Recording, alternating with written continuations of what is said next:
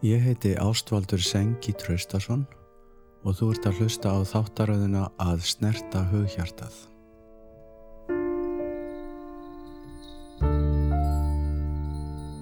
Þessi þáttaröð fjallar um sen, buddhisma og sen hugleislu yðkun og það hvernig reglubundin hugleisla getur hjálpað okkur til að lifa innihaldsríku og gefandi lífi.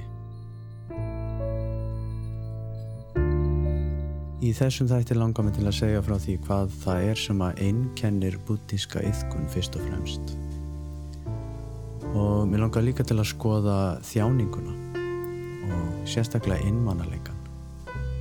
Hverjar eru rætur þjáningarinnar?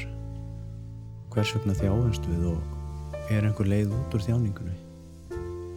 Því að það var í raun það fyrsta sem Buddha kendi eftir sína uppljómun, það var það, það var um þjáninguna, hvernig við þjáumst og af hverju við þjáumst. Og hann kendi líka leiðina út úr þjáningunni. Eins og ég talaði um í síðasta þætti að þá þýðir orðið Buddha einmitt að vakna og því er, er því maðurinn sem vaknaði. Mér langar líka til að í lokin að segja og stinga upp á heimaverkefni og til þess að hjálpa okkur við að, að gera sasen hugleislu að reglulegum þætti í okkar lífi. Það eru þrjú atriði sem að má telja til sem að einnkenna buddhiska yðkun og það er í fyrsta lagi hér og nú. Buddhisk yðkun fjallar fyrst og fremst um hér og nú og hvetur okkur til að skoða vel og vandlega það sem er akkurat núna og hvernig það er að vera manneskja akkurat núna. Að finna hvernig þessi stundi er og sjá það sem er. Sjá skýrt. Því það er einmitt mjög mikilvægt að sjá skýrt og rannsaka það sem er núna. Því þar gerist lífið okkar og getur hvergi annar staðar gerst. Buddhismi bendir á að allt sem gerist í heiminum verður að gerast núna. Og það sem meira er allt sem að hefur gerst hefur þurft að gerast núna og líka allt sem á eftir að gerast verður að gerast núna. Þannig að sasen hugleislega snýst fyrst og fremst um það sem er hér og nú. Núna er eini staðurinn sem allur alheimurinn getur verið á, verið til á, ekki bara ég og þú og það sem við sjáum í kringum okkur, heldur allt sem er, sólinn, stjörnurnar, sólkerfin, jörðin okkar, dýrin, náttúran og allt sem er. Allt sem er til verður að vera hér. Svo les að við deilum þessari stundu með öllu sem er. Að meðtaldri þáttíð og nútíð. Allt er hér, ekkert undanskilið. Það er ekki til neitt áðan og heldur ekkert á eftir. Bara núna. Það er allt og sumt. Hvernig getur allur alheimurinn rúmast inn í þessari að því er virðist agnarlittlu, ómælanlegu stund sem er minna en ekki neitt? Það er bara mjög góð spurning.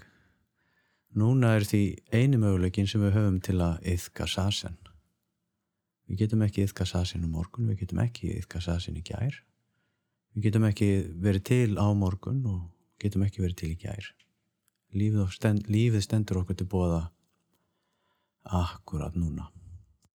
Og einmitt að því að það er ekki tilneitt fyrir og ekkert á eftir að þá gerist buddhisk yðkun ekki línulega og það er einmitt atriðið nummið tvö sem einkennir sasen yðkun eða buddhiska yðkun og það er að hún, hún gerist ekki línulega Það er að segja við gerum ekki fyrst þetta og svo gerum við eitthvað annað.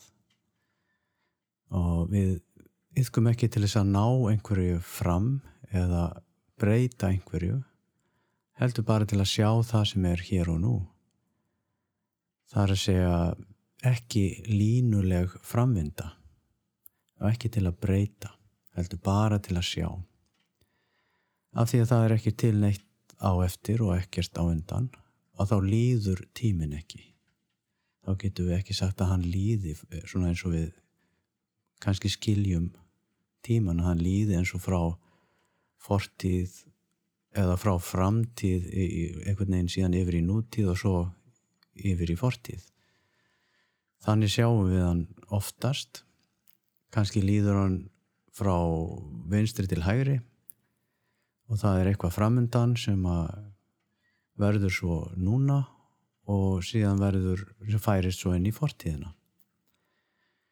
Við, við svona, það er venjulega sínin okkar á, á, á tíman við getum talað um láréttan tíma í þessum skilningi.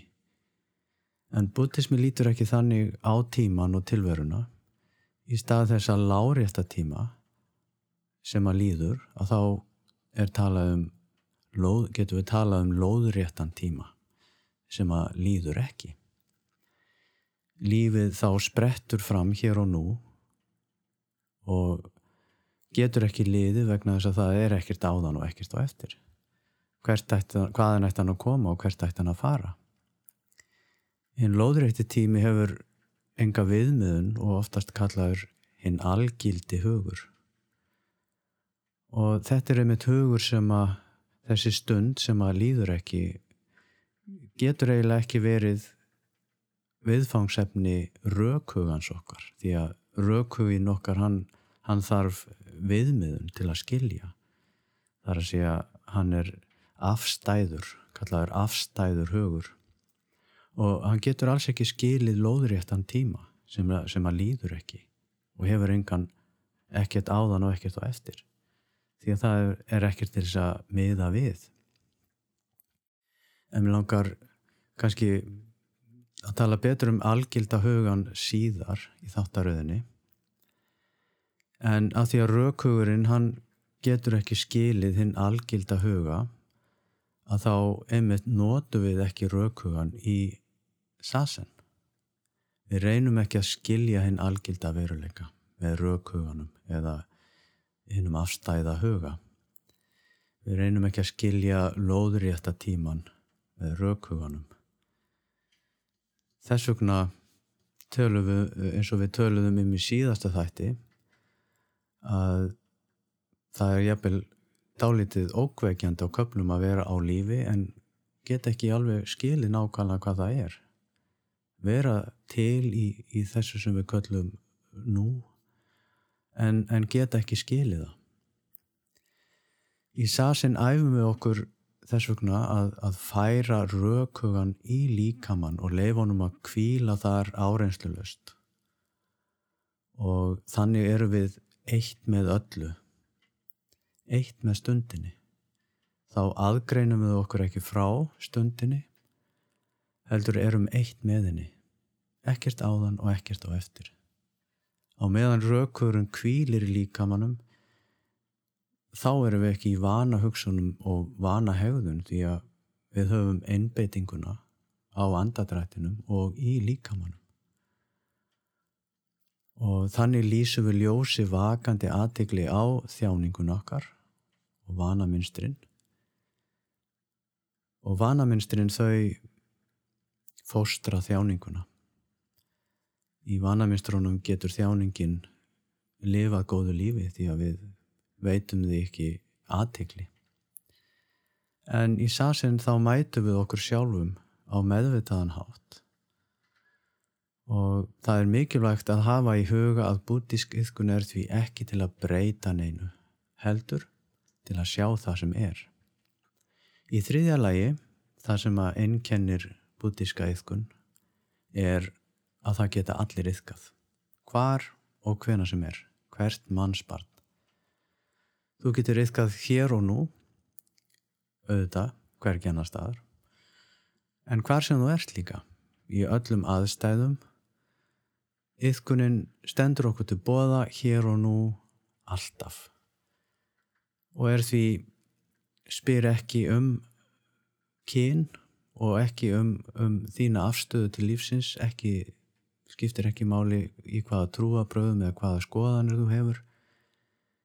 Allir geta yfkað þessa aðtikli og hún þessi aðtikli er, er oft má segja yfkuð á, á tvennanhátt þar að segja fyrsta lagi í tíma sem við höfum tekið okkur frá við helgum okkur tíma til að sitja sérstaklega til þess að yfka þessa aðtikli annarkort heima hjá okkur eða með öðrum sem að ég mæli mjög mikið með. Og svo er það þessi aðtikli í daglega lífinu að vera meðvitaður í daglega lífinu muna eftir því að færa heið ómeðvitaða upp í heið meðvitaða. Bara í, í daglega lífinu þegar við erum að vaska upp eða busta tennurnar eða lappa át í bíl eða tala við fólkið okkar og þá getum við verið meðvitið um það hvað við erum að gera. Það er reyndar einn besta gjöð sem við getum gefið fólkin okkar og, og samfélaginu öllu og okkur sjálfum náttúrulega. Það er besta gjöfin. Það er að vera hér og nú og vera til staðar fyrir fyrir lífið. En Buddha kallaði þetta þessa yfkun hinn miðlæga veg? Og þá er spurningin ef að það er ekkert tilneitt áðan og ekkert á eftir hvað er hann þá, hvernig getur hann þá verið í miðjunni? En það er einmitt galdurinn við hinn miðlæga veg eða vegin í miðjunni að hann er alls ekki í miðjunni. Þannig mætum við í hugleislunni okkar eigin tilveru, okkar eigin lífi gleði og sorg án viðmiðunar eins og það er. Já, þjáning okkar mannana er margvísleg og, og margþætt. Og þá sérstaklega langar mig til að tala um einmannaleikan því að það skýtur svolítið skökku við að einmannaleikin er orðið gríðalegt vandamál í, í okkar vestræna heimi sérstaklega. Og einmitt á þenn tíma þegar við verðumst hafa allt sem við getum hugsað okkur að, að við þurfum og að minnskosti meira en nokkuð tíman áður í, í sögu okkar manneskjunar og til dæmis ég var að skoða á netuna í, í bandarækjunum árið 1970 að þá voru mæltist, mæltist 14% bandarækjumanna einmanna, einmanna. En, en núna mælist 40% og þetta er daldi svakalegt fyrst mér og ég, mér finnst ég verða varfið þetta líka í okkar samfélagi hér á Íslandi. Og það kveður svo ramt að þessum vákjæsti í núna þessa dagana að einmannaleiki hefur verið skilgreindur sem heims faraldur og víða í heiminum hefur verið skorin upp herur gegn þessum vákjæsti til dæmis í, í Breitlandi að þá er búið að setja í ennbætti ráðherra einmannaleikans sem er algjörlega magnað. Því að einmannaleikin er gríðarlega mikið samfélagslegt megin og, og gríðarlega mikil þjáning fyrst og fremst fyrir okkur, mannfólkið og hún er mjög djúbstæð og, og mjög erfið. Og ég held að það þarf kannski ekki að hafa mörg orðum það til að lýsa einmannaleikanum því að við, við þekkjum held ég öll einmannaleikan að einhverju marki. Og núna á tímum kórunuveirunar þá náttúrulega hveður enn rammar að þessum vágjesti því að okkur er, er meinað að fara á mannamót og daglegur taktur gengur úr skorðum og það má segja kannski að, að einmannaleiki sé einmitt jáfnveil faraldur í faraldri. Og en þetta er mikil þjáning og og hefur ekkert endilega að gera með það hversu margir er í kringum okkur heldur. Ég fór að hugsa svona hvaða er sem að einkennir einmannalega, hvaða, hvaða tilfinningar eru því að þetta er svona kokteil. Og það er svona missir tilfinning fyrir að, að vera einangraður og vera ekki meðtekinn. Eh, það fylgir þessu skömm líka. Það er einhvern veginn skammanlegt að, að vera ekki með. Við hefum erfitt með að margir eiga erfitt með að mynda tengsl bæði við vini og, og fjölskyldi jafnvel og, og þessu fylgir sorg og, og tilfinning fyrir að vera fórnalamp og út úr þessu kemur oft gremja og biturð og, reyði og bara ofsalega erfið og vond tilfinning. Og það eru þetta til margar gerðir af einmannalega og ég held að við eigum öll okkar eigin persónulega koktel af einmannalega en hvað gerum við þegar að einmannaleikin sækir að?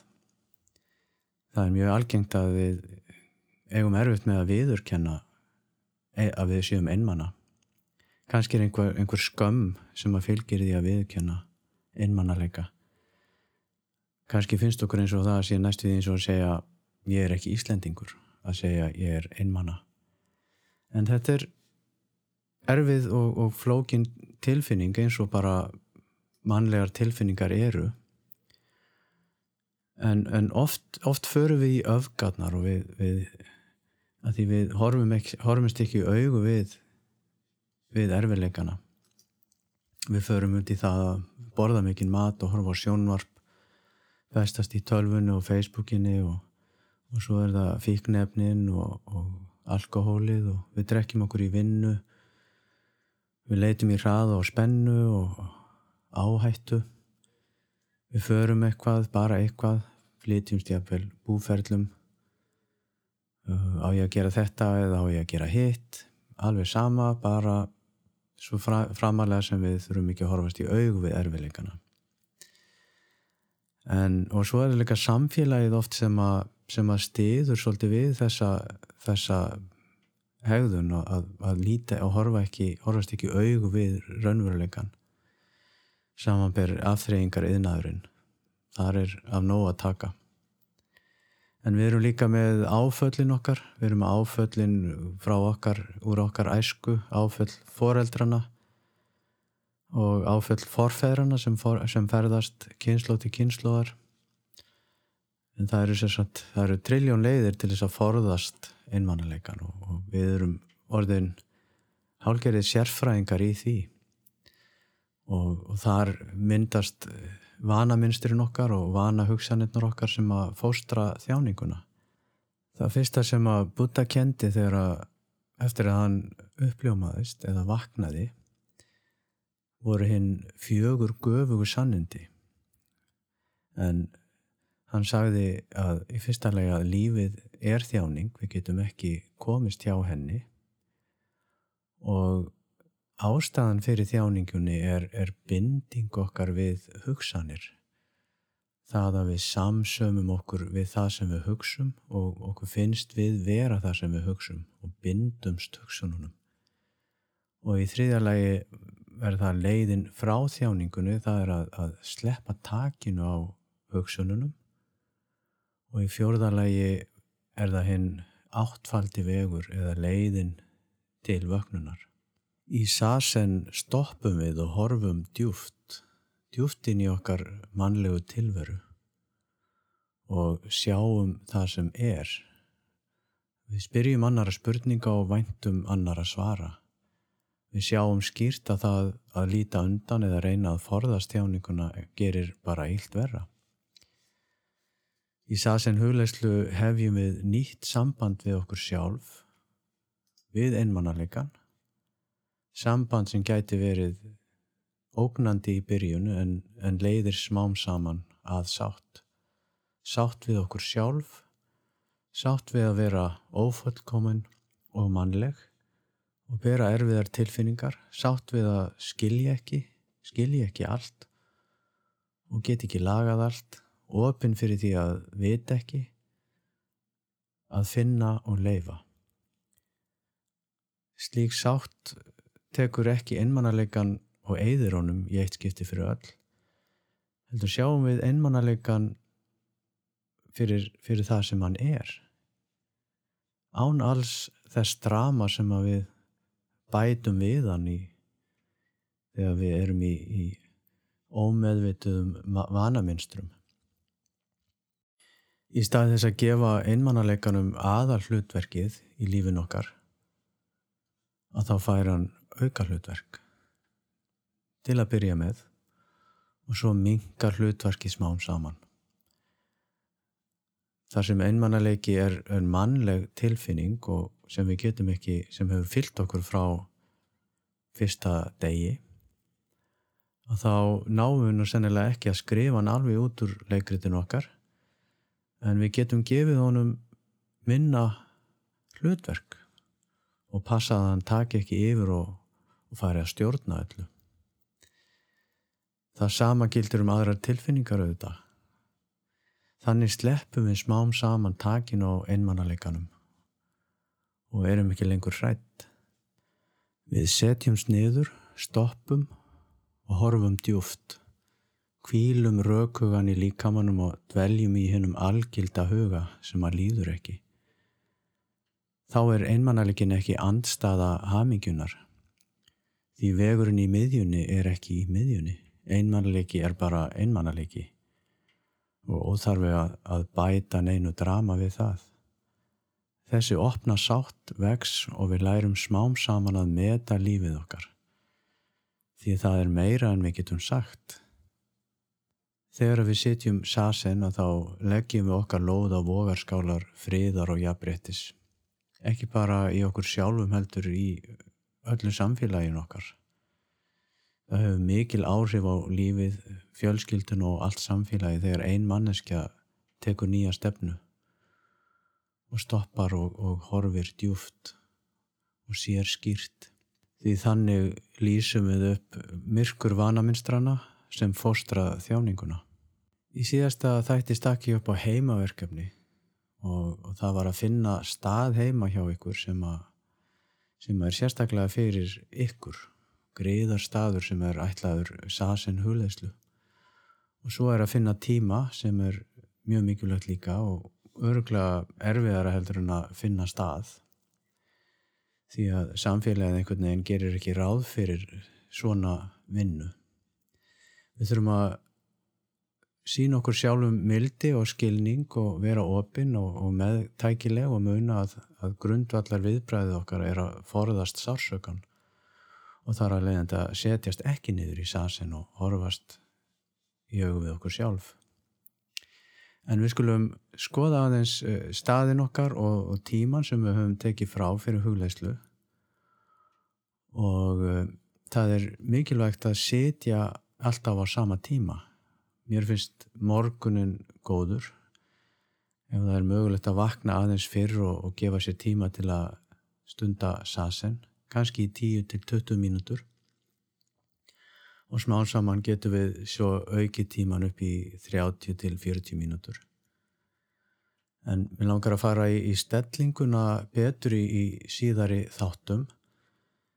En uh, þegar þú hefur komið þér þægilega fyrir á staðnum, nýja staðnuðinum, þá er mjög mikilvægt að setja í uppréttri stellingu, að setja með reist, finna fyrir setbeinunum og, og hafa bakið beint og það, það hjálpar andadrættinum. Það er hægt að sitja á stól eða, eða púða eða hvernig sem að þér hendar. Aðalatrið er að, að geta fundið góða slökun í líkamannum og, og læra að, að sitja í og kvíla í stóðkerfinu. Við færum aðtiklina að andadrættinum og við finnum þegar við öndum inn og þegar við öndum út. Og núna skulum við bæta inn einni æfingu og það er að, að telja útandanir teljum hverja útöndun við lefum innönduninni að, að gerast af sjálfum sér en teljum hverja útöndun þar að segja við segjum einn og öndum svo að öndum svo frá og segjum tveir.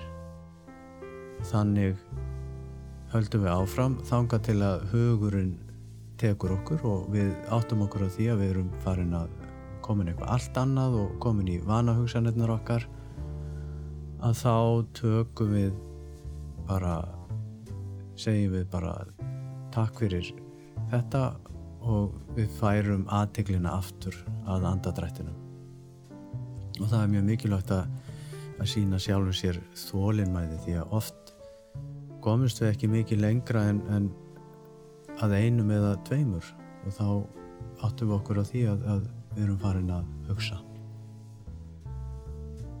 Og þannig að og það er líka mikilvægt að, að, að byrja ekki að, að keppa og reyna að telja sem lengst heldur bara bara að telja að það telja hjálpar okkur að hafa aðtiklina á andadrættinu við höfum bara mjúka og breyða aðtikli á andadrættinu og svo er líka ágætt að líta ekki á óvænt hljóð eða eða læti í öðrum fjölskyldumæðlumum sem líta ekki á það sem tröflun því það er bara eitt af því sem er.